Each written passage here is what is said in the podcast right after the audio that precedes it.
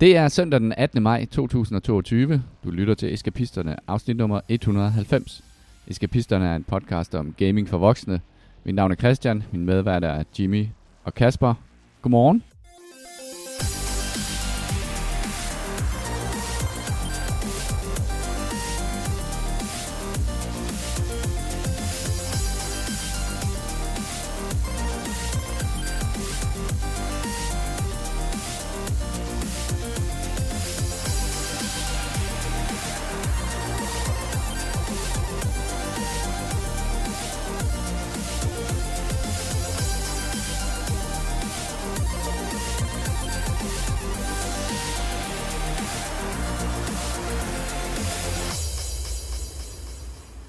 Godmorgen. Jeg vil godt lige påpege, at det var Kasper, der kom for tidligt. Det var ikke mig, der var ikke var forberedt. Det er rigtigt. Jeg kom 5-10 øh, minutter før jeg plejer. Ja. Og der, der lå vi selvfølgelig og sov. Der valgte jeg bare at ligge og sove, men jeg var klar. ja, I var sygt klar. Det var... Øh, Undskyld, jeg afbrød dig, Christian, i din uh, intro, men du havde bare ikke entusiasme. Jeg tror, det var det, jeg manglede. Der manglede den der. Velkommen til. det, til gengæld var stemmen lidt grødet i det. Ja. Og det det nok ved med at være lidt nu. Nu har, nu har jeg fået noget kaffe, og øh, så tænker jeg, at øh, jeg vågner op i løbet af den her podcast. Så det er et løfte herfra. Du er helt frisk til sidst. ja. Der var også en god grund til, at vi var sent. Vi var sent oppe i går. Øhm, ja, det var en rigtig god grund. Skal vi snakke om elefanten i rummet? Hvad var grunden? Jamen, ja, det, lad os gøre det. det var, vi har fundet et nyt spil, som man kan spille sammen. Og jeg, jeg, jeg faldt over det i, uh, tilfældigvis uh, på Steam. Og så, så spurgte jeg ud i gruppen, om der var nogen, der havde lyst til at spille det. Og det var der så lige pludselig. Og så helt tilfældigt i løbet af sådan en lørdag eftermiddag, der var både Gammelsmøl og Michael online på Discord. Så fik jeg også overtalt dem til at ville være med til at spille. Øhm, vi har spillet et, øh, et spil, der lige er udkommet. Det er i Early Access og hedder V Rising for Vampire Rising. Tror I, det er fordi, at jeres guards er lidt nede efter alt det der Elden Ring, som er bare klar til at absorbe et eller andet? Nej, jeg tror faktisk, det er omvendt. Ja. Altså, eller, eller, jeg har i hvert fald haft svært ved at finde spil, der fængede mig efter Elden Ring. Ja, man har lidt uh, Souls Blues. Vi har, man har lidt tømmer, det er spiltømmermænd. Man er sådan en slump. Undskyld, du kommer til at kalde det uh, Souls. Det er jo tydeligvis ikke Dark Nej, det er noget, helt, det er noget ja. helt andet. øhm, jeg havde den, den præcis samme oplevelse af, at, at tænkte, okay, nu er jeg, nu er jeg færdig, færdig med, med Elden Ring. Jeg har også prøvet at starte det op igen, og sådan ligesom og, og tænkte, ah, nu synes jeg ligesom, jeg har set det. Og jeg kommer aldrig til at pine mig selv igennem det på samme måde, som, som Jule han gør. Så så, så efter ligesom du skal have, piske mig igennem til næste weekend. Ja, det er rigtigt. Så efter lige at sådan, at have, have smagt på lidt, lidt forskellige andre spil, så var det faktisk vildt godt med noget, som var helt anderledes. Ja, og det, det må man sige, det er. Altså, det, det som jeg tror var sådan, den måde, man sælger V-Rising på, det er, at det er, der er lidt uh, Valheim i det, uh, så er der vampyrer, og så er der sådan lidt Diablo combat. Ja. Uh, så der er rigtig meget sådan crafting, det er en survival sim, det ligner, det ligner lidt Diablo og spiller lidt som Valheim. Ja, og det øh, gik vi så i gang med at spille. Skal man bygge en sådan hel masse? Ja, men, men øh, det som er anderledes ved bygge, altså man siger crafting-delen, du, skal, du, du, du er en vampyr, der står og fælder træer ud i skoven. Øh, du vågner op efter lang tid, fordi du er blevet smidt på porten af nogle gale bønder, tror jeg. Og så vågner du nogle 100 år efter og skal forsøge at genopbygge dit imperie. Øh, så man starter småt. Øh, men det, der er anderledes i forhold til crafting-delen, øh, og byggedelen, det er, at det ikke er så hvad skal man sige, granulært, det du skal bygge. Det er mere sådan, at du bygger øh, en hel væg, øh, så det klikker ligesom sammen på en anden måde. Hvor at øh, i Valheim, der skulle du også bygge vindueskarmen, og, og altså, var langt mere sådan detaljeret i bygningen. Det gør også, at det er noget nemmere at bygge ting. Øh, fordi du, du lægger egentlig i virkeligheden bare sådan templates ned, eller sådan nogle blueprints ned. Øh, og så bygger man heller ikke i højden. Man, øh, man bygger kun et planshus i, øh, i vampyrskoven. Nej, yes. Men ellers er det fuldstændig typisk, at man skal bygge et øh, savværk, for man kan få noget træ, så du kan bygge din første smedje, så man kan bygge sit første research table, så man kan så hele den der mm. modulære ting, hvor man, man bygger op øh, undervejs, og efter en 6-8 timer er vi stadig der, hvor at, at der ligger en masse ting forude, som man skal kunne bygge for ligesom at komme videre og komme videre og komme videre. Ikke? Jo. det de har gjort, det er, at de har låst, øh, de har låst en masse progress bag nogle bosser, der, der enten øh, er i nogle, nogle faste locations, eller roamer rundt på, øh, på kortet, og det, øh, det, det fungerer ret, ret godt. Um, så man får ligesom nogle quests også, øh, sådan nogle hunts, og man, man kan, skal ud og tage. Og dem kan man løse i fællesskab, hvis man, er, hvis man nu mødes ja. i verdenen der. Så. Ja. Men jeg synes, det er arbejde. Um, det tror jeg, jeg faktisk ikke. Der er lidt mange ting, man skal holde styr på lige i starten, øh, i forhold til, at du må ikke løbe tør for blod, som jo er dit, din mad, og du skal have samtidig have hitpoints ved siden af, og der er sådan lidt, der er lidt ting, man lige skal Hvis adskille jeg fra hinanden. bliver jeg sat til at øh, kaste noget træ ind, og så øh, Jamen, jeg kan sige, der, de har lavet sådan, så du skal ikke finde, du skal ikke selv lave kul til din, til din, øh, til, til dit fyr. Den her det var gang. ikke specifikt kul, jeg mente. Kommer jeg til at lave noget lignende? Ja, det er godt. Okay. Du kommer yes. til at fælde nogle træer og hugge nogle sten, og hvad hedder det, samle nogle ressourcer. Men det er nemmere. Og jeg kan godt huske den der, hvor jeg forsøgte at, hvad hedder det, guide dig igennem processen i at lave jern i uh, Valheim, og jeg kunne også godt huske, øh, hvordan du, altså jeg kunne fornemme, at dine øjne blev helt blanke, ja. og, og du bare tænkte, det her, det kommer jeg bare ikke til at spille. Jeg vil sige, det her er, det er mere forenklet. Øh, og det tænker jeg måske egentlig er en okay ting. Jeg tror også egentlig, det er, og jeg ved ikke om det er derfor, det var så nemt at få mange til at hoppe ind og joine, øh, fordi at det er måske øh, de her, hvad det hedder, meget, meget komplicerede crafting-spil, er også lidt nicheagtige. Øh, så derfor kan de måske godt være lidt svære for alle med på. Men øh, vampyrer er åbenbart øh, det nye rødt, eller hvad, hvad hedder det? For hold kæft, der er kommet meget med vampyrer lige for, for tiden. Jeg gik fra det ene vampyrspil til det andet ja, vampyrspil i går. Det var en bizarre oplevelse. Men øh, skal, vi, skal vi starte efter øh, opskriften og tage nogle nyheder først? Og så kan vi... ja, så kan vi ja, lad os vende tilbage til det. Vampyr er åbenbart en nyhed. Vampyr er en nyhed. Øh, Kasper, du har skrevet den første nyhed på. Ja, jeg har, jeg har fundet, ja, jeg har fundet et par nyheder. At uh, Fall Guys bliver et uh, free-to-play-spil. Uh, jeg gemmer den under en lidt mindre dramatisk titel, end den jeg så den uh, først hvor der stod Fall Guy is leaving, uh, øh, is, øh, uh, leaving Steam eller lignende. Men det gør det også, det forlader Steam, men det er der en god grund til, og det er fordi, at Epic har været ude og købe uh, studiet, der står bag Fall Guys. Det bliver et free-to-play-spil, øhm, ligesom, øh, men hvis du har det på Steam og købte det, så kan du fortsat spille det gennem Steam, øh, på samme måde som da Epic Games også købte øh, Psyonix, dem der står bag Rocket League-spillene, øh, der gjorde de det også, så du ligesom stadig har. Så hvis du har lyst til at have det på Steam, så kan du gå ind og smide nogle penge på det nu, og så kan du få lov til at spille det i, i, i fremtiden. Det skulle ske næste uge, øh, næste måned hedder det, øh, at Fall Guys bliver et free-to-play-spil. Øh, jeg har aldrig spillet Fall Guys. Fall Guys er det der, hvad hedder det? Um... Ja, jeg tror godt, jeg ved, ja. hvad det er. Men øh, er det, var det ikke sådan et spil, der bare kom og gik? Altså, er det en stor nyhed? Altså, ikke, altså det er helt okay, det er en nyhed, men jeg, jeg spørger bare, fordi jeg ikke ved det. Jeg spørger bare, fordi jeg ikke ved det. Nu bliver nyhederne rated. øh, jeg, jeg, jeg troede også, det var et spil, der kom og gik, men det virker som, der stadig er, er en del, der spiller det. Jeg tror, det, det blev ramt af, især i starten, der hvor det boomede fuldstændig. Øhm, der var der vist ret mange, der snød i spillet, øh, og så blev det vist lidt ligegyldigt omkring det. Fall Guys er det, hvor man ligesom bliver udsat for forskellige øhm, partyspilagtigt på en eller anden måde, hvor du er 100, der ligesom skal løbe ned, og den, der vinder, vinder. Bærer, mm. hvad, hvad det hedder det der? Squid Game. Ja. Øh, men med sådan nogle små øh, vingummibamser. Battle Royale. Ja. Øh, ja. Okay, og Epic Games. Øh, det vil de gerne have. Det vil de gerne have. Ja. Jamen, prøv, jeg tror også helt klart, det er fordi, den er under boomer, boomer-radaren her. altså, jeg tænker, det er sådan et spil, man spiller på mobiltelefon, og måske også for en, en lidt yngre demografi. Du er også, du er også yngre, Kasper. Ja, ja det er uh, millennial. Uh, hvad hedder det? Uh, og apropos salg. Ja, ja, den, den nyhed kender jeg godt. Ja. Den læste jeg i børsen. det er, at uh, der til synligheden er et uh, salgskilt uh, ude for studiet EA Games, eller Publishing, ja. eller hvad man skal kalde det. Uh, de har været rundt og eftersøge muligheden for enten en merger eller blive købt men med den lille Abadabai af ham, der er CEO for EA Games, rigtig gerne bare vil være så CEO. For så, det hele. Ja, så, så, så hvis man køber EA Games, så skal man også lade sig udskifte i toppen. Så køber og, man også en ny direktør. ja, præcis. Og det har måske gjort øh, salgsprocessen lidt mere besværlig. Han håber bare, det er Apple, der køber den. Ja, ja, præcis.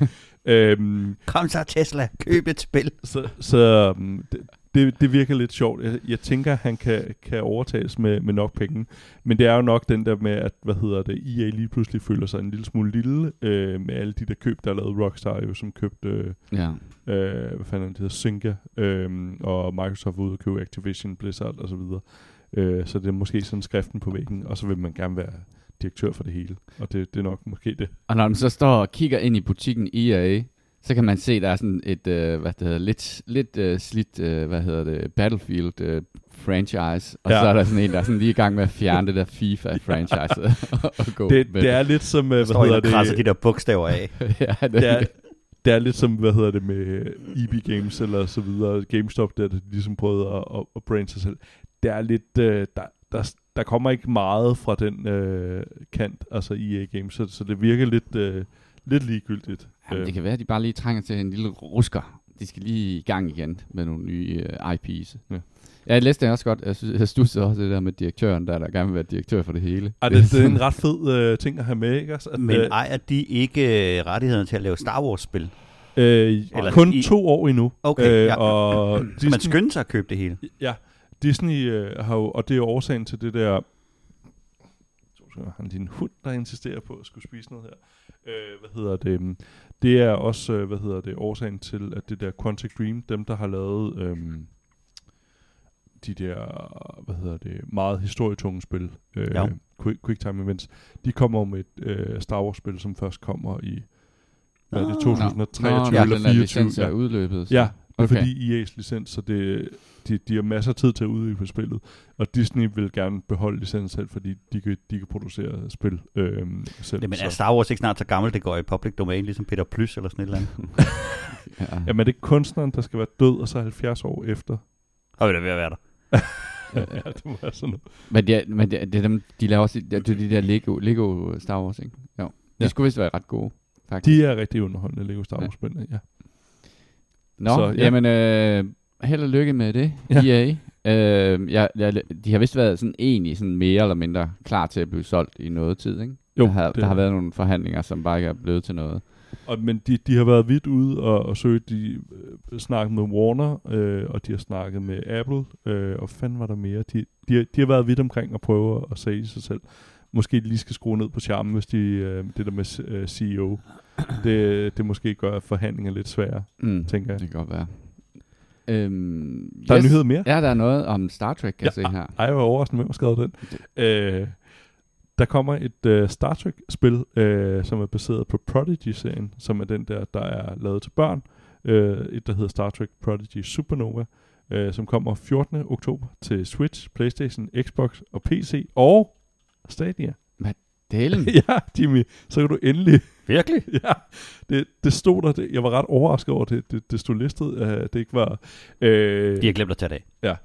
det, og apropos vi faktisk snakkede i Lego Star Wars spil, så ligner det meget et sådan spil med, at øh, du kan spille det øh, single player, hvor du så har, du er altid sådan to, hvor du ligesom så skal hjælpe hinanden, og det er også set på samme måde, øh, hvad hedder det, det ligner ret meget run of the mill øh, product, fordi at øh, det er lavet af nogen, der hedder Outright Games, øh, som står bag sådan Ben 10-spil, øh, Hotel Transylvania, Gurli Gris-spil, altså alle sådan nogle børnespil, de, de har omsat til et spil øh, står også bag, øh, hvad hedder det, et Adventure Time-spil. Så det er nogen, der er specialiseret i at lave sådan nogle, hvad hedder det. Så det bliver nok ikke det vilde. Jeg skal selvfølgelig spille det, men øh, ja. Det er klart. Gullig gris, ikke? Jo, Godt. det var det, præcis. Det var, hvad jeg havde af nyheder. Øh, jeg har lige, øh, en lille nyhed også. Øh, øh, er I, øh, vi er lige ved at være friske på at spille en øh, toer til Death Stranding. Nej, Øh, jeg har spillet jeg, jeg, jeg tænker også, det, det, hvad, hvad i alverden skulle det handle om? Ja, det ved jeg heller ikke. Men det er åbenbart Norman Reedus har været med i et interview, øh, hvor han blev interviewet omkring hans karriere og sådan nogle ting. Og der sad han og snakkede om de film, han var med i. Han er rimelig hot shit for tiden. Øh, og så kom de også til at tale lidt omkring det der med, at han har været med i et computerspil. Og så begyndte han at forklare om, hvordan man optager det, og det er skide spændende, og nu gør vi det igen, kommer så til at sige. Øh, og så øh, har han åbenbart kommet til at afsløre, at, øh, at, der kom, at de er i gang med at lave en efterfølger til, el, til uh, Death Stranding. Øh, og det var jo selvfølgelig en stor nyhed hos, øh, i, hos os, fordi at, øh, jeg tænkte også med det samme hvordan delen skal det kunne lade sig gøre? Er der nogen flere, altså er en del af historien i Death Stranding er jo mysteriet og hvad fanden det er, der er sket. Øhm, men øh, det virker som om, at, øh, at, han, at han taler sandt, øh, når man sådan læser hvad han sagde i interviewet og sådan noget. Han var sådan ret umiddelbar om det, og det virkede ikke som om... Var han, han ret konkret om, det var Dead Stranding-spil, fordi ham der, der Ja. instruktøren, der står bagved, er, han ikke bare ret glad for visse personer? Har han ikke også øh, brugt Reffen i et par ting?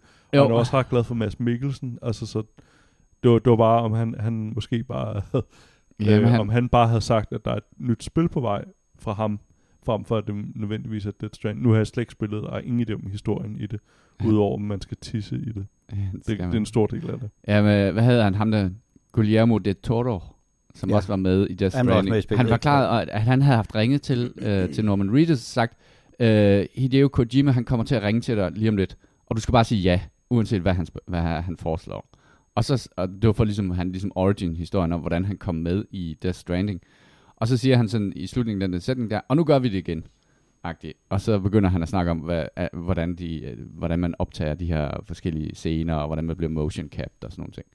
Så jeg, jeg tror, den er god nok, men øh, den er ikke officielt ude. Hideo Kojima har i hvert fald ikke, hvad hedder det, announced et nyt uh, Death Stranding-spil. Jamen, han poster vel et billede af noget suppe lige om lidt, og så skal man tolke på det. Ja, ja, ja, altså, jeg kan godt anbefale, altså hvis man er, hvis man følger Hideo Kojima på Instagram, så påstår han at de mest esoteriske legetøj øh, ting og mærkelige gamle film fra 70'erne og sådan noget. Han er simpelthen så trendy.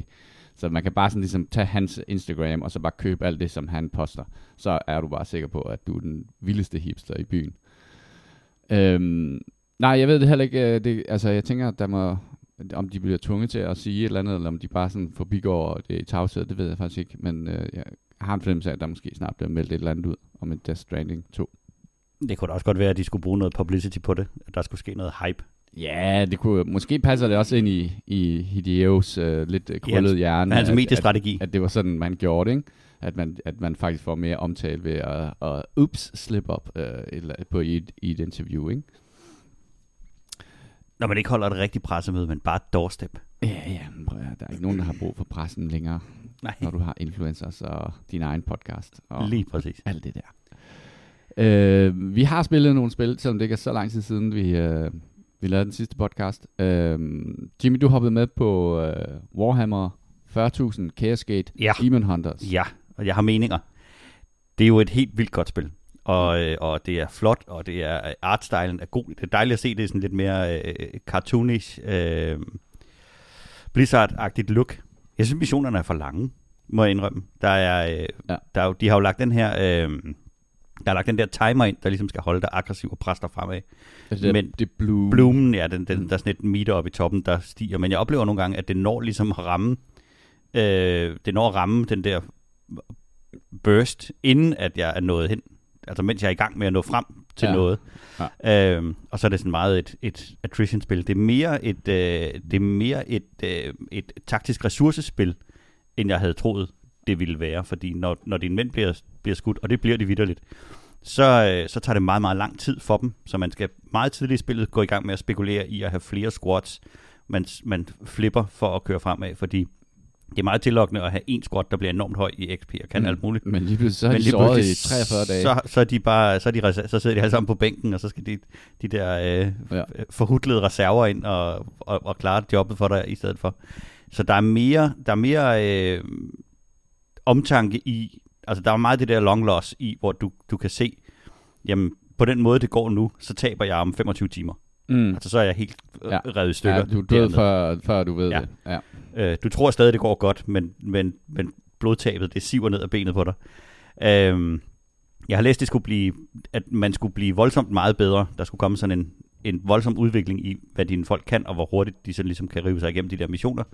Men jeg er overrasket over sværhedsgraden i det. Mm. Ikke nødvendigvis negativt, men jeg, men jeg synes, sværhedsgraden er overraskende hård for, et, i, for de første par missioner.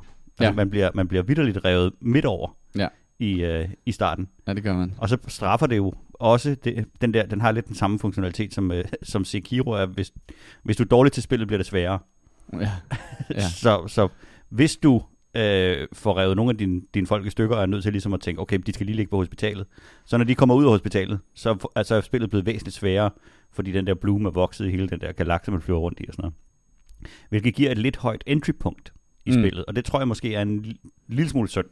Der er selvfølgelig nogle diehards, som kommer til at, at, at elske at sige, at det her det er måden, det skal være på. Men for et spil, som er så gennemarbejdet og så øh, detaljeret, og i virkeligheden rigtig, rigtig sjovt, så synes jeg, det er en lille smule øh, farligt at have et, et så højt entry bar for at få lov at være med. Øh, for jeg fornemmer, at man skal, man skal klare sig meget, meget succesfuldt igennem de første 10, måske 15 timer. Og så kommer der sådan et andet, hvor, den, hvor det flipper, og så kan man alle mulige ting. Mm. Men man risikerer at skulle starte forfra et par gange, fordi at man har truffet nogle, mm. nogle skidte valg. Snakker vi øh, FromSoft-spil nu, eller snakker vi... Det er The Souls, no, okay. det er the souls of XCOM ja. games. Men jeg skal helt sikkert spille mere af det, fordi jeg elsker jo både øh, gameplayet, og jeg elsker universet og, og alle de her ting. Øh, jeg skal bare lige komme over min, min frustration. Ja. ja, men jeg havde, jeg havde den samme oplevelse med det. Altså, det er skidesvært. Og jeg tror også, at det er... For mig var det meget med, at jeg tog sådan nogle grundlæggende ting, jeg researchede. I stedet for at tage noget, jeg kunne bruge nu og her, så researchede jeg sådan noget sådan, at mit rumskib kunne flyve højere, eller længere, eller undskyld, fuck, hurtigere. Øh, og at, øh, at mine folk fik hurtigere XP, og at øh, de healede hurtigere og sådan nogle ting. Det er ikke sådan noget, man har sådan, det er sådan noget, som gør, at det spil selvfølgelig, at man laver et fundament for, hvordan resten af dit spil kommer til at være. Men det giver da ikke sådan nogen umiddelbare battlefield øh, sådan fordel, når man er dernede. Øh, og der, der kunne jeg godt mærke, der manglede simpelthen noget, der bare sagde bange. Så jeg tror også, jeg tror, det, jeg tror, jeg kommer til at starte forfra igen. Fordi jeg tror også, jeg er på vej ind i sådan et langsomt dødsspind, øh, hvor, hvor jeg bare ikke kan Jeg spillede kan de første 4-5 missioner, og så startede jeg faktisk forfra på Merciful, på den, den letteste sværhedsgrad. Og så tænker jeg, okay, nu så, så kan jeg lige breeze igennem det, få en fornemmelse af, at det er også svært. Altså, der bliver man også reddet midt over. det er vildt. Det er vildt nok. Men det er jo sådan noget, altså jeg synes, jeg sad faktisk og tænkte, det her, det, det er jo sværere end, uh, det er jo sværere end Elden Ring. Det, det, det, jeg, jeg fejler langt mere, end jeg, gør, jeg ja. gjorde i Elden Ring. Men det er, ja, men det, er, det er, er det godt ligesom det der, um, var det Phoenix Point, du spillede? Åh oh, ja, Phoenix Point, men det var grundlæggende broken. Uh, Nej, men det der med, at, at du kan fornemme den der slow burn, eller slow bleed, ja. hvad fanden det var, I kaldte det. Det er, øh, jeg kom til at tænke på, at det minder mig faktisk ret meget om en mod, som kom til XCOM 2 øh, og XCOM, øh, som hed The Long War, øh, som netop var baseret på, at øh, du øh, mistede soldater, og øh, det vil sige, at du havde ikke på samme måde sådan en, en elite squad, eller halvanden elite squad, fyldt med, de, med top soldater. Du havde mere sådan en meget, meget bred bænk af folk, som du bare sådan skiftede ud løbende. Øh, og det, det, det er lidt det, du også øh, siger her, Jimmy, at, at du, du kommer ikke til at have den der, hvor at det her det er bare min kernesquad, som jeg bare egentlig kan køre hele spillet igennem med. Du bliver nødt til at have den, nogle, nogle junior folk ind, og hvad det hedder, og så sørge for, at du ikke kommer for langt bagved the curve. Fordi det er lidt ligesom, i XCOM, der har den jo også det tidspres med, at der, der er det der doomsday clock, ikke? og når det ligesom er tikket over, så taber du bare spillet. Og hvis du ikke ligesom får slået de her forskellige ting ned i, i Warhammer også, så den der bloom, den løber der simpelthen af hende, og så er der bare for mange galakser, der lige pludselig er overrun, og de bliver, jo mere de sådan får den her bloom, jo sværere bliver de at tage. Så man kan ligesom øh, uh, handicap sig selv der, og virkelig komme behind the curve. Men altså, ja, altså, æstetikken er jo fantastisk i det, og, og det er body horror, og der flyver rundt med lemesdale og sådan noget, når du skyder folk og sådan noget. Det, det er ret fedt se, at se på. Nå, nu snakker vi lige om, om V-Rising, øh, det her nye øh, spil her. Øh, det, som jeg selvfølgelig er lidt nervøs for, øh, det er, at øh, det er et early access spil. Uh, og vi er, nu har vi spillet det en aften og været super glade for det, og, og jeg kan mærke her, lige her til morgen, bliver nødt til at starte spillet op igen, fordi det er mig, der hoster serveren, så, så folk de, uh, var sultne efter at komme tilbage. Uh, jeg kan godt være lidt nervøs for, at vi på et eller andet, at det, at det brænder ud ret hurtigt. Uh, ja, så jeg er lidt i tvivl om, om det har content nok uh, til, at man kan blive ved med at synes, at det er sjovt at være vampyr i den her verden her, men, men altså, lige nu er det kortet er grotesk stort. Ja, det er det faktisk. Altså ja. meget, meget stort. altså hvis de er lige så produktive som, øh, hvad hedder det, dem der lavede Valheim, det var også et svensk studie, så hvis vi bare kan regne om på den faktor, hvad var det, de havde fire hos Valheim-studiet, ja. øh, og de 35 mennesker her, så kan vi bare begynde at gange op, hvor meget content der er i det. Så. Jeg læste, at de regner med, at de vil færdiggøre det inden for 12 måneder. Øh, og der vil de blive med at putte content på, men, men øh, så har jeg ikke læst så meget mere om det. Men der er meget content i det allerede. Mm. Altså man kan se de der, der er sådan nogle, øh, man kan bygge et, en bestemt konstruktion, øh, et blodalter, og så når du har bygget det, så kan du vælge øh, at, at tracke sådan nogle bosser ude i, i verden, hvor du får sådan et sendt spor efter dem, og når du, hvis du så springer de der bosser ihjel, så kan du få nogle evner, eller nogle blueprints, eller en eller anden, der ligesom åbner op, for at du kan, du kan komme videre i spillet. Og den liste, den var rigtig lang. Altså jeg tror, der var 50 okay. på den. okay. Øhm, og der er måske en 4-5 stykker, man kan sådan se løbende efterhånden, som din, dit udstyrslevel, den, den matcher dig til det. Okay. Jeg Jamen, synes, det virker som, at altså, jeg så havde læst om, at der var ekstremt mange concurrent players øh, på det her spil. Altså, det virker som, at det er noget, der kom, ligesom med Valheim, kom fuldstændig out of the dark, og så bare er eksploderet på samme måde. Der, der var rigtig, rigtig Og, mange concurrent ja, og sjovt nok for en, en, en lille svensk udvikler, ligesom Valheim var en lille svensk udvikler. Ja, det er Øh, en imponerende. udvikler, der hedder Stunlock, som jeg aldrig har hørt om før. Jeg tror, at det er deres første spil. Nej, de har Nej. lavet en, en Nå. del før, men ikke rigtig nogen vi kendte. Men det virker til gengæld som, at de kun har en til at lave art for dem, fordi de ligner fuldstændig hinanden, sådan artstyle-mæssigt, øh, deres andre spil. Ja, Øh. det er sådan lidt den der lidt kantede øh, grafik der. Altså, jeg synes egentlig... Øh, altså, Altså, jeg troede jo, det var en, dem, der havde lavet Valheim, der også havde lavet et andet spil. Altså, da jeg bare så billederne af det, fordi det, det havde den der lidt sådan lækre farver, hvis man kan sige det på en eller anden måde, og så var de samtidig blurred på en eller anden måde, synes jeg. der, Øh, er, der har de brugt det der depth of field, øh, hvor der er sådan... Altså, det hele ser sådan en lille bitte smule ud, som om det er sådan en tilt-shift-effekt. Ah, indover. tilt-shift, ja. Det, det, er, det er en ret lækker effekt, men de er jo svenskere, de har, de har god stil. Ja, De det har, hvad hedder det, sådan en lille lomteklæde hængende op af blæsejakkens Ja. lomme. Jamen, du, du kan også gå ind og se alle øh, dem, der øh, arbejder hos studiet. Alle sammen dejlige mennesker. Det ser gode, gode sunde svenske typer. Hvad- 130.000 concurrent Lige nu? Er deres, øh, ej, lige nu Nå, hedder den. 130.000. Klokken 8 i dag var der, øh, nej, klokken 8 i går var der 95.000. Og jeg må da også indrømme dengang, at øh, jeg lige havde fået øjnene og fundet ud af, at det var klokken nu, vi skulle lave podcast. Der sad jeg og tænkte sådan, åh, oh, jeg glæder mig til bagefter. Så skal jeg spille noget mere af det her. Ja. Jeg var, Jeg glæder mig til Kasper Smutte. Nej, Ja, jeg for han glæder skal mig- skynde sig hjem og komme på. Hvor er, du skal spille på dit Steam Deck. Er den uh, Steam-kompatibel? Det ved jeg faktisk ikke, om det er. Men det, er, det kan i hvert fald købes på Steam for, øh, hvad er det, 20 euro, tror jeg det er. Ja, det Så kan du købe sådan nogle, øh, et par expansion packs øh, med noget ekstra lækkert øh, arkitektur, tror jeg det er. Så din, øh, din vampyrslot kan se lidt federe og lidt mere gotisk ud. Hvor Øh, meget kan samspil er der i det? Er det ligesom Valheim, at du kan bygge en by sammen, eller... Ret meget. Altså, vi har lavet øh, på den måde, at man, man kan sagtens øh, bare have sine slotte ved siden af hinanden, men hvis man er i samme klan, og det er vi jo, øh, så kan jeg bare gå ind til Gamsmith, som er væsentligt længere fremme end mig, og så kan jeg bruge hans maskiner og sådan nogle ting. Øh, men det er stadigvæk hans. Øh, det er ikke på den måde, at for i, i Valheim, der var det jo sådan, at, at der ikke rigtig var nogen ejer på, på de ting, man byggede. Øh, der kunne man sådan set bare gå ind og, og hvad hedder det, det ja, ja, altså du har, det, det, det er fordi det er baseret på, at man har det her i heart i hver castle, og det, det er bundet til dig. Så du kan ikke bygge øh, dit castle sammen med nogle andres castles, men de kan ligge lige ved siden af hinanden, og du kan bruge alle de øh, funktionaliteter, som, som de andre har. Jeg ved ikke, om det var dumt, at vi byggede alle vores slotte ved siden af hinanden, og man skulle have spredt dem mere ud. Jeg tror, man kommer til at bygge mange slotte, Ja, og, så, øh, ja, og så er der jo også et decay-system i det, som gør, at du skal hele tiden fodre dit slot, Ah ja, det er rigtigt, ja. øh, ellers så vil du opleve, øh, så vil det falde fra hinanden. Så på et eller andet tidspunkt, så tror jeg, at man forlader de der starter slot. Jeg har jo bygget mit slot omtrent 100 meter væk fra der, hvor man kommer ud og starter gaten. Mm. Øh, så, så jeg kan godt se, at der, efter meget, meget kort tid, så bliver løbeturen tilbage til mit slot for lang, fordi der er ikke nogen, øh, Mm. du kan ikke fast travel med ressourcer. Du kan bygge teleporter på et tidspunkt, men du kan ikke fast travel, hvis du har samlet ressourcer op. Du kan kun have dine våben med. Mm. Øhm, så det, den, den gør jo, at du bliver tvunget til ligesom at, at skubbe dig fremad. Til gengæld, når du ligesom har bygget øh, dig igennem processen, så det at bygge et nyt slot er ikke særlig omfattende. Jeg tror, at øh, jeg kan, nu er det jo mig, der hoster, og, hvad der, og en slot, der skal man, man skal fodre det der hjerte med blod. Og jeg tror, jeg, altså, jeg, mit, mit slot kan køre i et halvanden dag eller sådan noget, før det løber tør lige nu. Men det betyder jo også, at jeg bliver nødt til at have min klient tændt, for, selvom jeg ikke selv spiller, så de andre kan spille. Så jeg har faktisk lidt sådan, måske bare skulle bide sure æble og få købt den der server. Der. lavet server. Ja, få lavet server. Ej, det virker som et ret stærkt spil. Jeg synes, det er sjovt, det der med, at man tager den tager den der Diablo uh, Divinity Original Sin-agtige måde at spille et spil på, og så kombinerer det med uh, en survival uh, simulator, og så hele vampyrdelen. Og det, det var det der med vampyr.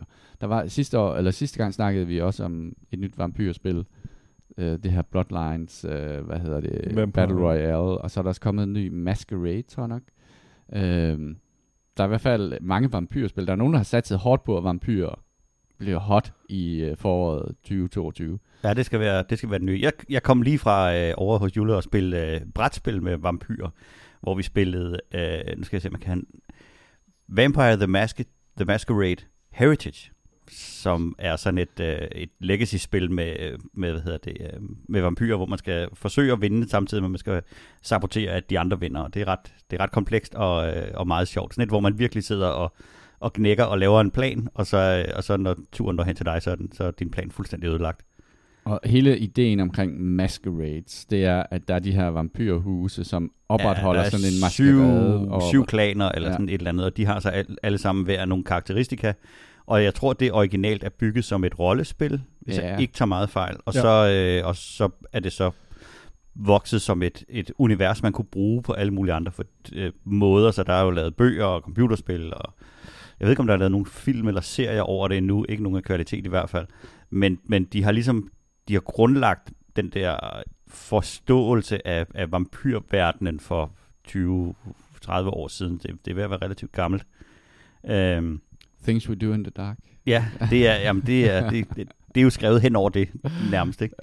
Ja. Øhm, men hele den der med, at, at vampyrer er, er dem, der styrer hele verden bag ved, bag ved kulisserne, og, øh, og alle menneskene løber rundt af sådan nogle, nogle får, de spiser, og så bruger de altid på at bekrige hinanden og forsøge at, at spille sig selv øh, stærkere ved at manipulere, eller slås, eller trylle, eller...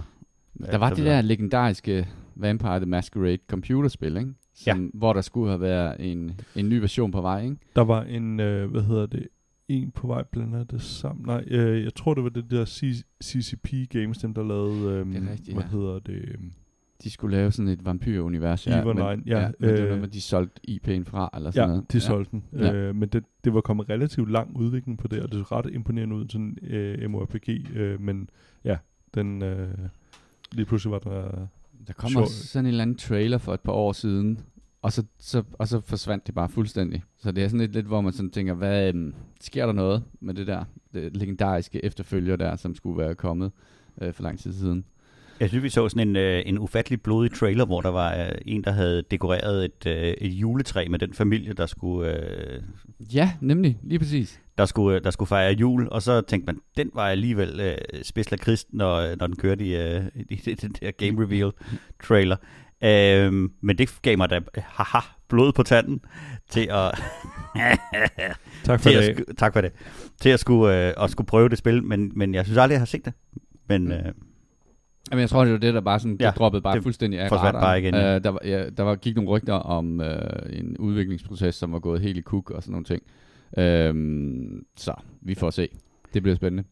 Jeg synes bare, man skal lave om på den der øh, måde, hvor at du udvikler et spil ved, at du starter med at lave en, en, en, en cinematic demo, Ja, og så bagefter kigger du på en anden, og så siger, nå, hvad skal det handle om? ja, eller, ja, eller hvordan får vi det her til at virke? Uh, Nå, V-Rising, uh, vi fortsætter med at spille det. det. er- Det er hyggeligt, og det er noget, som uh, vi kan mødes om her i huset i hvert fald. Og, hvad det, er, og det er ret sjældent, at vi finder de der spil, hvor at vi alle sammen synes, det er skide sjovt at spille sammen. Altså en af de ting, som det gør bedst, så er det, at man kan nulle rundt i sin, øh, med sine egne projekter, og så kan man mødes om noget, der er svært, eller hvis man gerne vil gå på jagt sammen med den ene. Ja. Fordi hvis der er en, der, der bliver slået ned, jamen, så kan man ligesom revive hinanden, og så er man fri for at spawne af helvede til, Ja. øh, tilbage. Så på den måde, det, øh, det, kan, det kan noget. Jeg er også øh, bange for, at det måske ikke er dybt nok endnu, altså at vi simpelthen får, får brændt det igennem for hurtigt. Mm. Men, men lad os se. Det lader til, at øh, altså, der kommer til at være nogle dage med bare grund og kigge på kortet i hvert fald. Ka- Kasper, hvad har du spillet på dit Steam Deck? Jamen, øh, altså f- først og fremmest, så er det jo, øh, gjorde jeg mig den, øh, efter, efter, hvad hedder det, øh, kigge på den, hvor at jeg først sad i lang tid, og ikke helt kunne finde ud af, hvad jeg skulle spille på den, fordi at, øh, jeg havde slet ikke regnet med, at jeg fik den så tidligt. Øh, så kiggede jeg på, hvor det var sådan, det er med ret god value for money, altså hvis man som de fleste af os allerede har et bibliotek på, på Steam, fordi den koster cirka 1000 kroner mere end, end, end, end Nintendo Switch, øh, den der OLED edition, som koster omkring 2800 3000 øh, kroner. Øh, så du får eddermame meget content øh, for det. Men øh, jeg fyrer selvfølgelig op for et Star Trek-spil. Øh, et, der hedder Star Trek, øh, bare fra 2013. Øh, det er unlisted øh, på, på Steam. Øh, det var vist noget med en licens, øh, der ikke længere, øh, de ikke længere havde det til.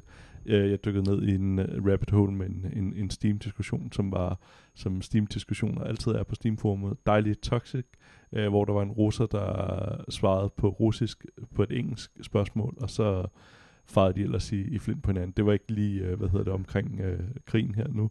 Øh, men øh, det, det var sådan en dejlig orm på min om, og hvorfor der man ikke skal ind og læse på, på Steam Forum. Øh, men det var en ret fed oplevelse, fordi at det var en inde på den der, der hedder ProtonDB, hvor man kan se, hvor folk ligesom rapporterer, hvor godt spillene fungerer øh, via den der Proton DB øh, ting, som øh, Valve har lavet, øh, hvor man ligesom kan køre mange af spillene. Og, og Proton, det er den der udgave af... Ja, af Linux. Linux øh, som, øh, som de bruger som styresystem, ikke? Ja, ja. Øh, en, et sådan emulator-ting. Øh, øhm, og øh, der var den heller ikke rated derinde. Så tænkte jeg, om nu, nu prøver jeg at downloade den. Øh, det, det skal lige siges, at hvis man har et spil på Steam, øh, som ikke længere bliver hvad hedder det, ført, øh, at man kan se den, og Steam-pagen er væk, så ejer du stadig, og du kan hente. Det, det gik fint. Øh, det, det er kun, hvis det bliver sådan helt øh, grotesk, så, så kan de, øh, hvad hedder det, og de bliver sagsøgt valg, så, så fjerner de den. Men det, det ligger der stadig. Øh, og det var ret fedt, at jeg bare kunne installere det her spil, og så fungerede det bare out of the box. Det var ikke noget, de her jo overhovedet har kastet noget energi efter. Og så kunne jeg fuldstændig spille det som, at jeg havde spillet det på computer øh, i sin tid, da jeg også spillede det.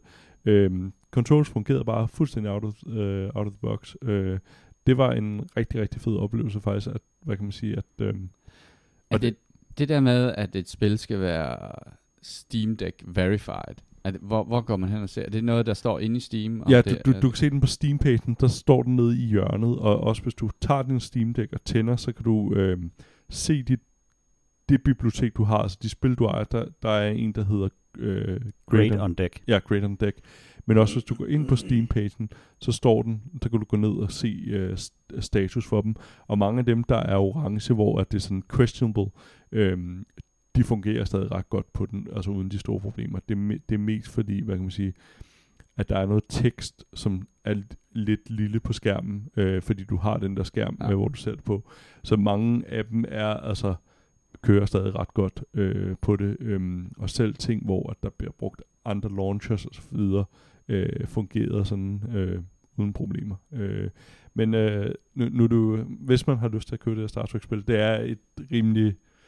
Øh, i, det er fra 2013. Øh, det hvad, er hed, sådan, hvad hedder det? Det hedder bare Star Trek.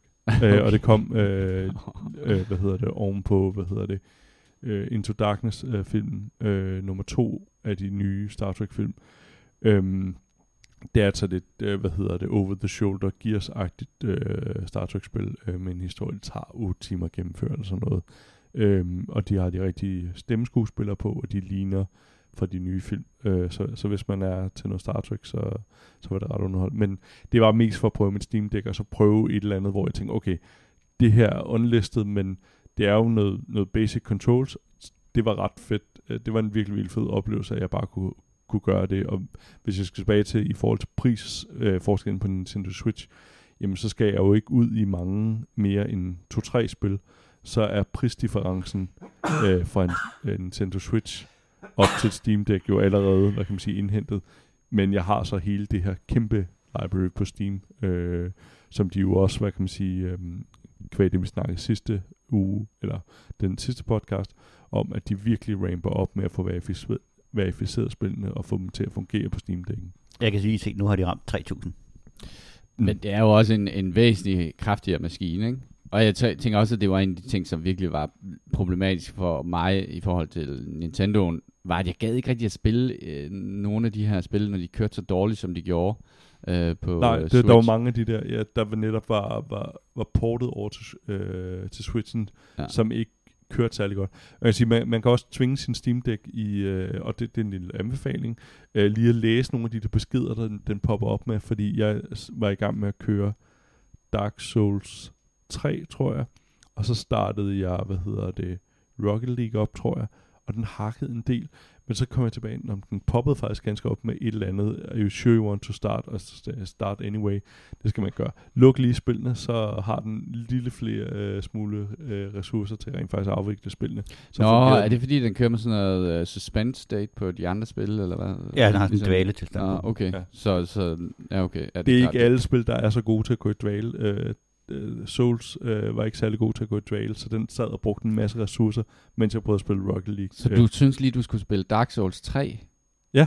Eller hvad? Ja, det skulle jeg også lige. Jamen det var fordi, jeg åbenbart havde det, så, og den var great on deck, så den stillede jeg det også lige. Ja, men jeg tænker bare sådan, det er jo rimelig stor mundfuld, når du øh, også har noget andet på tallerkenen. Nå, jamen, jeg gennemfører Elden Ring, det er på lørdag, jeg har gennemført det. Okay. Lørdag aften. Ja, for der har I Tidlig en, lørdag en, aften. en fræk date. Ja. Yes. Ja, så skal det fandme ske. Ja. På lørdag har vi School of Death. Ja. Oh, det, det så kan jeg jo bare kigge anklagen over på dig, når du ikke har gennemført det fra lørdag aften. Ja, det er selvfølgelig rigtigt, så der kan jeg godt mærke, at der lige bliver sat et uh, stopur i gang. Jeg tror, vi gør det, vi laver simpelthen sådan en, uh, vi laver en, uh, en coaching session. Så mm. Jimmy går frem og tilbage med Ja, præcis. Jeg tænker også, Jimmy, hvad nu? Og Jule, han, skal også, han kommer også over og... Nej, han hjælper ikke særlig meget. Han er bare sådan... Han er sådan den Nedladende. Der, nej, han er faktisk ikke nedladende, men han er den der, hvor det sådan, ja, du kan jo gå i den retning. Jamen, skal jeg gå i den retning? det finder du ud af. Nej, men det, mm, det vil spille vise dig om et øjeblik. Og jeg fandt ud af det, hvor han sagde, Nå, du kan jo prøve at gå derned, det ser ud som, der er noget. Der var ikke noget dernede. Der er måske noget, et eller andet backstory, men det rager mig, når jeg skal have en middag, Jule. han vil bare gerne have, at du oplever magien i spillet. Han jeg oplever det der bird farming, ja. ja.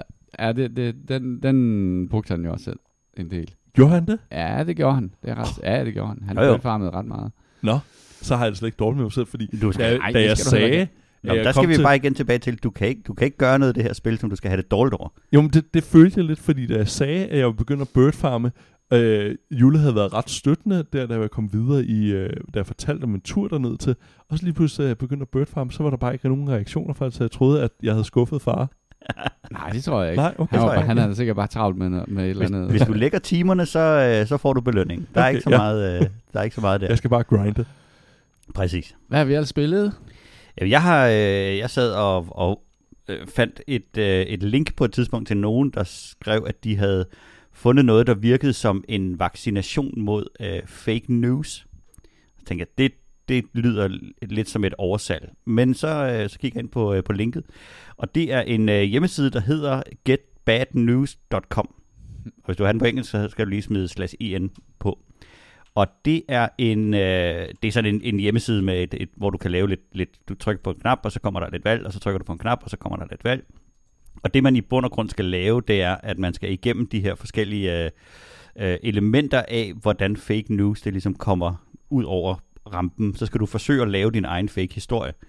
Øh, helt igennem til, hvordan, jamen, hvad finder du på? Hvad vil du, hvad vil du sælge som grundhistorien? Vil du starte et nyhedsfirma? Vil du øh, forsøge at splitte din, øh, hvad hedder det, modstanderens øh, base?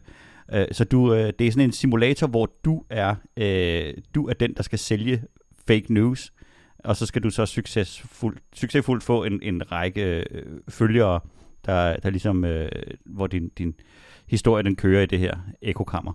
Øh, det er ikke et, et spil så meget, som det er infotainment, øh, og den, den, den er ret øh, heavy-handed i sin, i sin pædagogik. Men det er en meget sjov lille øh, ting at gå igennem, hvis at man hvis man kender nogen, hvor at man har lidt svært ved at forstå, hvad, hvad trolling i forhold til impersonation, i forhold til øh, Øh, konspirationsteoretikere, så, så alle de her elementer bliver ligesom dækket, hvordan, hvordan, øh, hvordan de forskellige øh, ting, de udnytter medierne, og hvordan de presser deres, øh, presser deres agenda igennem med sådan nogle underlødige, øh, underlødige metoder. Øh, jeg tror ikke, at der er nogen som helst i verden, der bliver, der bliver vaccineret mod fake news, men det er, en, det er en, et sjovt lille indblik i, hvad mekanikken bag at få de her historier hen øh, ud i, i public, det er. Øh, så hvis man keder sig i, øh, i 10 minutter, så er, det en, så er det en meget sjov ting lige at kigge på. Og så har du spillet noget, der er helt klart er bedre for, for sjæleroen. Yes. Jeg har spillet Dorf Romantic, som er et, øh, et tile placement puzzler, der er så øh, laid back og roligt, som det overhovedet kan være. Det øh, minder utrolig meget om det spil, jeg ikke, brætspil, jeg ikke kan huske, hvad hedder lige Azul? Nej. Overhovedet ikke. Man lægger sådan nogle øh, fem sidet... Øh, Man lægger sådan nogle hexagoner ned. Ja. Øh, ja, heks. Ja. Ja, det står inde på hylden. Nå, det er irriterende. Øh, man lægger de her heksplader ned, og så gælder det selvfølgelig om at få kanterne til at passe med hinanden. Katar? Nej, for helvede, Kasper. Jamen, det var fordi, nu begynder du at sidde og sige, så sidder jeg. ja, okay. Okay, Kasper, forklar lige om, øh, om Mass Effect 2. Okay, jamen, øh, jeg loadede noget andet op på Steam Deck. Det er primært Steam Deck, jeg har spillet, fordi det, øh, jeg, jeg, efter jeg ligesom kom over det der med, at jeg havde den i hånden, så, så hvad hedder det, øh, lige da, da I gav mig den, og jeg sagde, hvad, hvad skal det første være? Der sagde jeg jo Mass Effect, og jeg havde kun den der Legendary Edition, som var 100 rigtig mange megabyte. Ja, 150 gigabyte. Ja, gigabyte, som jeg gik i gang med download. Der var, ligesom, der var jeg løbet tør for plads, så jeg gik også ud og købte et 512 gigabyte øh, micro SD-kort, øh, så jeg ligesom kunne komme i gang. Det umiddelbart sådan, som jeg kan se ud af den, så fordeler den selv mellem, når man sætter et SD-kort, så har den bare en stor pool af, hvad hedder det, af, hvad hedder det, mem- Af øh, memory, memory, ja. den kan, kan lære på. Øh, men nu ved jeg ikke om... Øh, Nå, Jo, det. vi snakker lige færdigt, men ja, Ja. du, nu Øh, kommer Jim ind med ja, brætspil, okay. som det ligner. Så der er en lille teaser til jer. Det, det kommer senere, øh, hvad det hedder, brætspillet. Øh, det ikke så god? Nå. Øh, hvad hedder det? Men jeg loadede så op for Mass Effect øh, 2, øh, fordi jeg var faktisk i gang med etteren på Xboxen.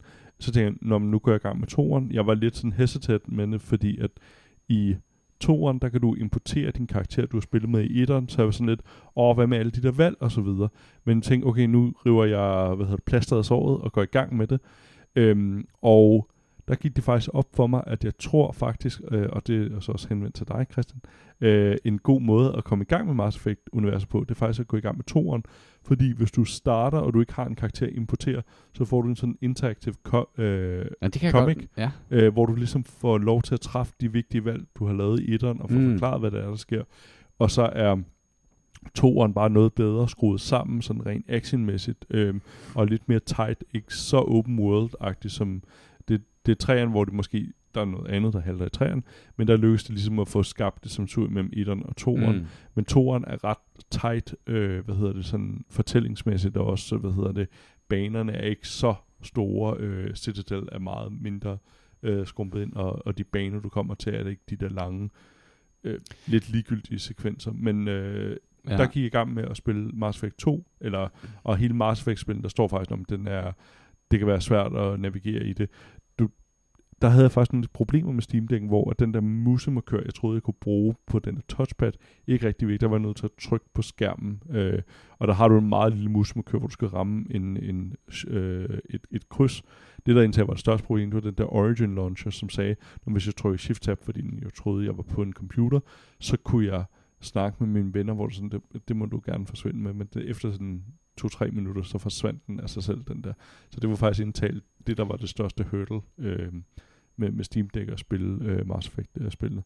Men øh, jeg vil anbefale, hvis du ikke allerede har- har. Jeg har jo spillet en del Mass Effect. Jeg Jamen, har jeg troede kun, det var etteren. Øh, Øh. nej, ja, jeg har spillet, jeg har spillet toeren og treeren, er jeg ret sikker på. Øhm, men jeg gik bare i stå. Der, der var et eller andet andet, der dukkede op, tror jeg. Men, men jeg kan godt huske det der med, at man skulle tage de valg. Det minder mig lidt om, det gør man også i The Witcher. The Witcher 3, der tager man også en masse valg, men det var meget forvirrende, fordi man... Nå, men du holdt, holdt du med den her dronning af et eller andet. Øh, jeg, ved ikke, jeg ved ikke, hvad det er for en verden, jeg er på vej ind i. Hvordan skulle jeg have noget som helst øh, fornuftigt at sige om, øh, om den ene eller den anden faction i et eller andet øh, fantasiunivers, som jeg ikke kender. Øh, der kan jeg huske, der var det sådan en ret forvirrende måde at komme ind i det spil på, øh, når man går, øh, kommer ind i træerne. Men, øh, men jeg kan godt huske det der med, at man også skulle tage nogle valg. Det kan godt være, at de har gjort det bedre. Det, det lyder som om, de har gjort det bedre. Nu fik du hentet din papkasse med øh, det spil, som Dorf Romantic minder om. Og det er... Det ligner Carcassonne for helvede. Carcassonne for helvede. Det vidste jeg godt. Det er ikke, det er ikke heksbrikker i Carcassonne, de er firkantede, men ideen med... Det var at- det, der threw me off. Ja, det var det fuldstændig. Jeg tænker på, Øh, Kasper han er matematiker. Jamen, det er det. Du sagde, hvor mange sider der var. Øhm, og, og det minder fuldstændig om at sidde og spille, øh, spille Carcassonne med sig selv, men på en, på, en, på en fed måde, fordi det er et meget, meget tilgivende spil. Du får nogle, øh, hvis de der brikker, du lægger ned, så, så, øh, hvad hedder det, så får du nogle point, hvis at, øh, kanterne passer sammen. Og men hvis de ikke passer sammen, så gør det ikke noget. Så er der bare stille og roligt. Øh, Vi er alle sammen venner. Præcis, vi er nemlig alle sammen venner. Og det, som man kan ligesom få af, af udvidelser, hvis det lykkes dig at, at lave, man kan få sådan nogle små quests, hvor at du skal forbinde præcis 100 huse til den her tile, eller mm. du skal bygge en jernbane, der er 8 øh, tiles lang, eller sådan et eller andet. Så kan du få et lille tog, der kører på jernbanen, eller et lille, en lille bæver, der svømmer i en sø, eller sådan noget. Det er simpelthen det mest... Øh, Ej, jeg er fuldstændig det skudt i det nu. hyggeligste spil. Øh, og og der, man kan sagtens gøre det lige så komplekst, som man overhovedet har lyst til, hvis man er, går meget op i, hvordan de der tiles skal ligge, fordi efterhånden som du får point, jamen, så får du flere tiles i bunden af din, af din øh, bunke der, og, så, øh, og, og hvis du lægger dem sådan helt hulter til bulter, jamen, så løber du tør, og så skal du prøve igen. Men mm. det er bare øh, det er et enormt hyggeligt spil at sidde og, og nusse med, og man kommer meget ind i den der øh, meditative tilstand, hvor man bare sidder og kigger på sine, her der er mine kornmarker, og så herover der satser jeg på noget skov, og nej, hov, der kom der en, øh, der kom der en, en sø med en lille båd, den skal ligge hernede. Og så sidder man og, og bygger den her lille, lille sådan, som jeg forestiller mig, Holland så ud i, øh, i det 1800, hvis man kiggede helt øh, romantisk på det. Øh, det er et meget, meget hyggeligt spil. Det er og, mindfulness. Jamen, det er, det er vildt, og der er, der er ingen pres Nej. på dig overhovedet. Det, Spil, det hjælper dig bare med at, at have det hyggeligt. Det skal jeg have. Det kunne jeg godt bruge lige nu, tror ja. Jeg. Synes, det er et, øh, jeg synes, det er et dejligt spil. Kæmpe anbefaling. Er det på Steam Deck, du har spillet den? Uh, jeg har faktisk uh, kun spillet det på PC, men det er også på Steam Deck. Jeg prøver den på Steam Deck. Alt Gør det. skal prøves på Steam Deck. Ja, men det skal, alt skal prøves på Steam Deck. Det er, det er en god maskine. Så skal vi have lidt uh, anbefalinger. Uh, Kasper, du har selvfølgelig skrevet en anbefaling. Jamen, jeg har, jeg har jo faktisk kun en denne uge. Det var fordi, jeg ligesom tænkte, man skulle også nå at absorbere dem fra sidste uge, hvor jeg tror, jeg havde en seks stykker eller sådan noget. Jeg er kun på nummer tre nu. Så. øh, og jeg vil øh, starte med at selvfølgelig, øh, jeg nåede ikke før at kigge ondt på dig. Du var rimelig hurtigt der, hvor vi snakker om fake news, til at komme videre til den næste. Den der ellen imellem, det, øh, jeg kigger stadig ondt på dig øh, for, for den øh, produktion, det jeg har lavet. Hvad, hvad, hvad for noget? Det er, det jeg har lavet et program øh, sådan på øh, DR3, øh, P3, eller hvad den hedder nu, den der kanal, hvor at øh, de har en, øh, hvad hedder det, en ekspert eller fagperson inden på området, eller de har også en politiker inden, hvor de så har en journalist, der interviewer, øh, men journalisten interviewer ikke. Der sidder en ude på den anden side og interviewer personen om den. Så i første afsnit hedder Anja Sætje Andersen inde, som skal snakke om flad jord, og så sidder ham der idioten, Ole Lokman, eller hvad fanden der han hedder, bagved, og øh, spørger om spørgsmål. Et af dem er jo blandt andet sådan noget med, øh, synes du ikke, det er rimelig underligt, at NASA navn ligger så tæt på na- nazi, så det, det, det, det niveau, øh, tingene på snakker. Så har de også Pernille Skipper inden for enhedslisten, som snakker om øh, abort, øh, altså rettigheden til abort, og så sidder der en abortmodstander øh, bagved og snakker.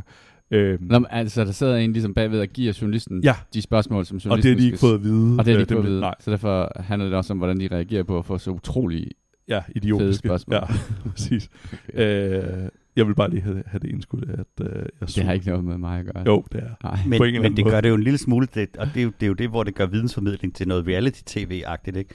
Så det man, ser, det, man ser det for, er jo ikke for at få Anja Andersens øh, svar på, hvorfor jorden er flad, fordi det er fuldstændig uinteressant. Det, det som jeg tror, at, at det ligesom skal, skal hypes på, det er jo, hvor, hvor godt eller dårligt reagerer de her mennesker, når de får ja, ja, ja. spørgsmål, der er så gennemført åndssvagt. Rejsesvar på går. Jamen præcis, ikke? Altså, kan du, kan, og, og det bliver hurtigt sådan en konkurrence i, kan du, kan du pisse den her fagperson så meget af, så de bryder sammen, eller løber deres vej, eller altså hvad?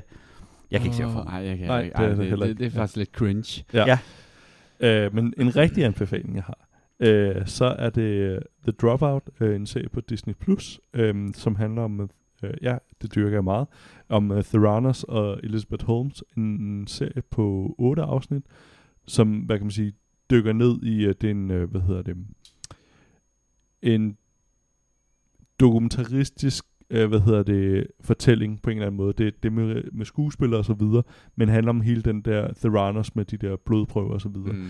Den er ret fascinerende, fordi den virkelig dykker ned i de der øh, ting, og når man har læst nogle af de der baggrundsting af det, så er det meget lidt fiktion, der er tilsat. Det, det, eneste, det eneste fiktion, der virker som tilsat, det er nogle af de der, hvad kan man sige, ej, så stod hun ind i ham her øh, på det her tidspunkt, og så, så har de en, øh, en, en ordveksling, som indtager bare mere for at, at, at få en eller anden historie til at fungere. Men alt det, hvad kan man sige, om Theranos og alt det humbug, de lavede, og alt det, hvad hedder det, øh, altså den kult, det var, det, det er rigtigt. Altså, så det er en virkelig øh, interessant øh, serie. Den, den er virkelig godt, øh, hvad hedder det, øh, altså produktionsværdien er rigtig høj inden. Øhm, og hende, der spiller Elizabeth Holmes, gør det virkelig øh, godt øh, i forhold til at... Og, Den der dybe stemme. Ja, og hendes meget hun havde nogle meget underlige bevægelser, hun lavede, når ja, hun skulle sige ja, ting og sådan ja. noget. Det rammer hun virkelig godt. Øhm, en, en stor anbefaling til, til den serie, der hedder The Dropout på Disney+. Plus. Jeg tænker bare om Elizabeth Holmes får penge for, at øh, hun bliver protesteret i... Det tror jeg ikke. Jeg tror, at den er baseret på den, der hedder Bad Blood-bogen. Øh, øh, jeg, jeg tror, de øh, rimelig hurtigt kan gøre sig fri for at skulle betale hende nogle penge. Mm.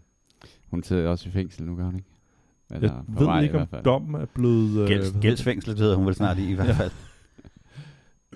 Og så øh, er det dig, Jimmy? Ja, det, jeg, var, øh, jeg, jeg sad her panisk og prøvede at finde et eller andet at se den anden aften på, øh, på mit hav af, af streamingtjenester. Og så, øh, da jeg gik ind på, forbi Amazon Prime, så viste, øh, så viste Amazon sig igen fra sin, øh, sin allerbedste side, som den øh, brændende skraldespand, det, den, den, det firma er. Øh, og så oppe i det der feed, jeg havde, jamen der blev der, der, blev der øh, promotet et, øh, noget, der hed The Black Pages, som skulle være sådan et øh, mystery science fiction øh, show.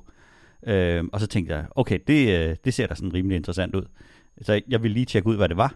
Og så øh, viser det sig at være en, øh, en masse små afsnit. Jeg startede med at se den, det første afsnit, og det handler om en, en, øh, en biolog, på, der er i fængsel, men så er han blevet sendt til Mars som straf, og så skal jeg på Mars, skal han så, øh, så skal han så være biolog i 10 år, før han må lov for at, at komme tilbage. Og det, det startede op, og så sad man og kiggede på det, og så tænkte, det er som om, der er et eller andet, der er forkert her. Og, og, og ganske hurtigt så finder man ud af, at det er simpelthen fordi produktionsværdien, den er så ekstremt lav. Altså sådan helt absurd lav, så det ligner det er lavet ude i nogens have. Jeg tror vidderligt, den der Mars-station er lavet inde i en eller anden drivhus. En grusgrav. Jamen præcis, og der er sådan det, der, han er jo videnskabsmand, så der skal stå nogle reagensglas i baggrunden, og så er der sølvpapir på væggen, for det er jo en rumbase. ja. Oh, og jeg kan ikke rigtig finde ud af, om det er fordi, det skal være sjovt, at det er så dårligt, men det er det tydeligvis ikke, når man ser, hvor elendigt skuespillet er i, i det der. Og så, øh, og så havde vi, så først så ved det første afsnit, og kiggede man og tænkte, det var da helt, altså helt exceptionelt, så ringe det der var lavet. Der, der, han skal kravle ud af sådan en kæmpe plante på et tidspunkt. Det ligner vidderligt en flyttekast, de har tegnet på. og så kommer der en... Uh, discount Black Mirror? Eller ekstrem ja, discount Black tænkte, Mirror. Ja. Og så, så, så tænkte vi, okay, der er et, vi skal lige se, om det, om det er, fordi de fortsætter på det her, eller hvad fanden det var. Og så tændte vi op på noget med en, øh, en varulv, som, øh, som er træt af at være varulv, og derfor skal ned til, øh, løbe ned til en butik og købe øh, hårfjerner, middel. Og på vejen så møder han så en, øh, en pige, som har fået stjålet sin taske. Og, og det er en sådan blanding af, at det skal være lidt seriøst, og så skal det, og, men så, så er det samtidig sådan noget fald på halen komedieagtigt ting. Men produktionsværdien i det er så lav, så det næsten er sværdigt selv. Nu vil jeg finde et billede til jer her af, af, af varulven. han, oh, God. han er vidderligt bare lidt beskidt i ansigtet, og det som man kan se her, hvor han har pels altså en på, gulvtip, øh. det er bare en sweater. Altså, ah, han, ja, han, han, på et tidspunkt står han sådan og skal klø sig, og det er bare en sweater, og hende, han, hende der pigens taske er så blevet stjålet af en, en der skal i, i, i filmen være tysker, så han har, øh, han har pølser i lommen, mm. for det har man jo, når man taler med dårlig tysk accent, og det er, det er helt sindssygt, at den serie nogensinde er blevet lavet. Ja, det, det, jeg tror, det minder mig om, da jeg så, øh, hvad hedder det, en, en dansk film, der jeg læste filmmediet, der hed, øh, jeg tror, den hed Mød mig på Cassiopeia eller sådan noget. Der, der er der en kostymefest på et tidspunkt, og der er der en, der er... Åh, hvad er det? Øh, ham... Øh, Edward Saxon? Øh, Hercules far. Øh, hvad fanden er det, han hedder? Øh, Hercules Søvs? far? Ja, Søvs. Der har han et skilt på, hvor der står Søvs, fordi at ellers så kan de ikke få den der joke til at fungere. Og det, det minder om sådan noget, altså, hvor at, så har han pølser, fordi han er jo tysker. Ja, præcis. Det har de jo. Det, det har man jo. Uh, og du det har er, solgt jamen, det, den, Jimmy, det, det skal jeg se. Det er for sindssygt, det at det nogensinde er blevet lavet, udgivet og promoveret på en verdens, om, verdensomspændende streamingtjeneste. Jeg er målløs over, igen underrasker Amazon voldsomt. The Black Pages. Fy for fanden. Cool. Skam dig, Jeff. Skam dig. Vi skal videre med dagen. Vi skal, der er nogle øh, vampyrslotte, der skal have nye gulve, og der skal fanges, øh, der skal slås nogle banditter ihjel i V-Rising. Øhm, Husk, at du kan finde os på eskapisterne.dk og alle de andre steder, man finder sin podcast. Du kan skrive til os, og det kan du gøre på vores Gmail, som er podcast at gmail.com med forslag til spil og emner. Det var alt for denne her udgave af Eskapisterne. Hvis du synes, at podcasten er god, så del den endelig med dine venner. På vegne af Kasper, Jimmy og mig selv, tak fordi I lyttede med.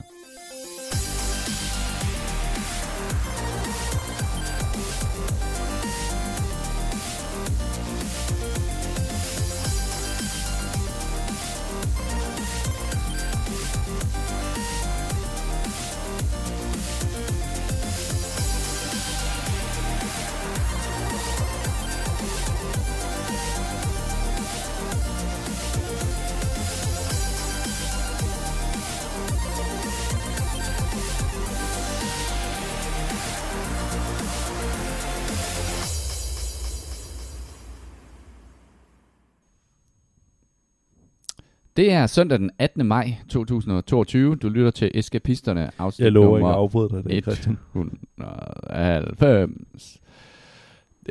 Hvorfor gjorde du det? jeg tror det er, fordi jeg sagde noget forkert.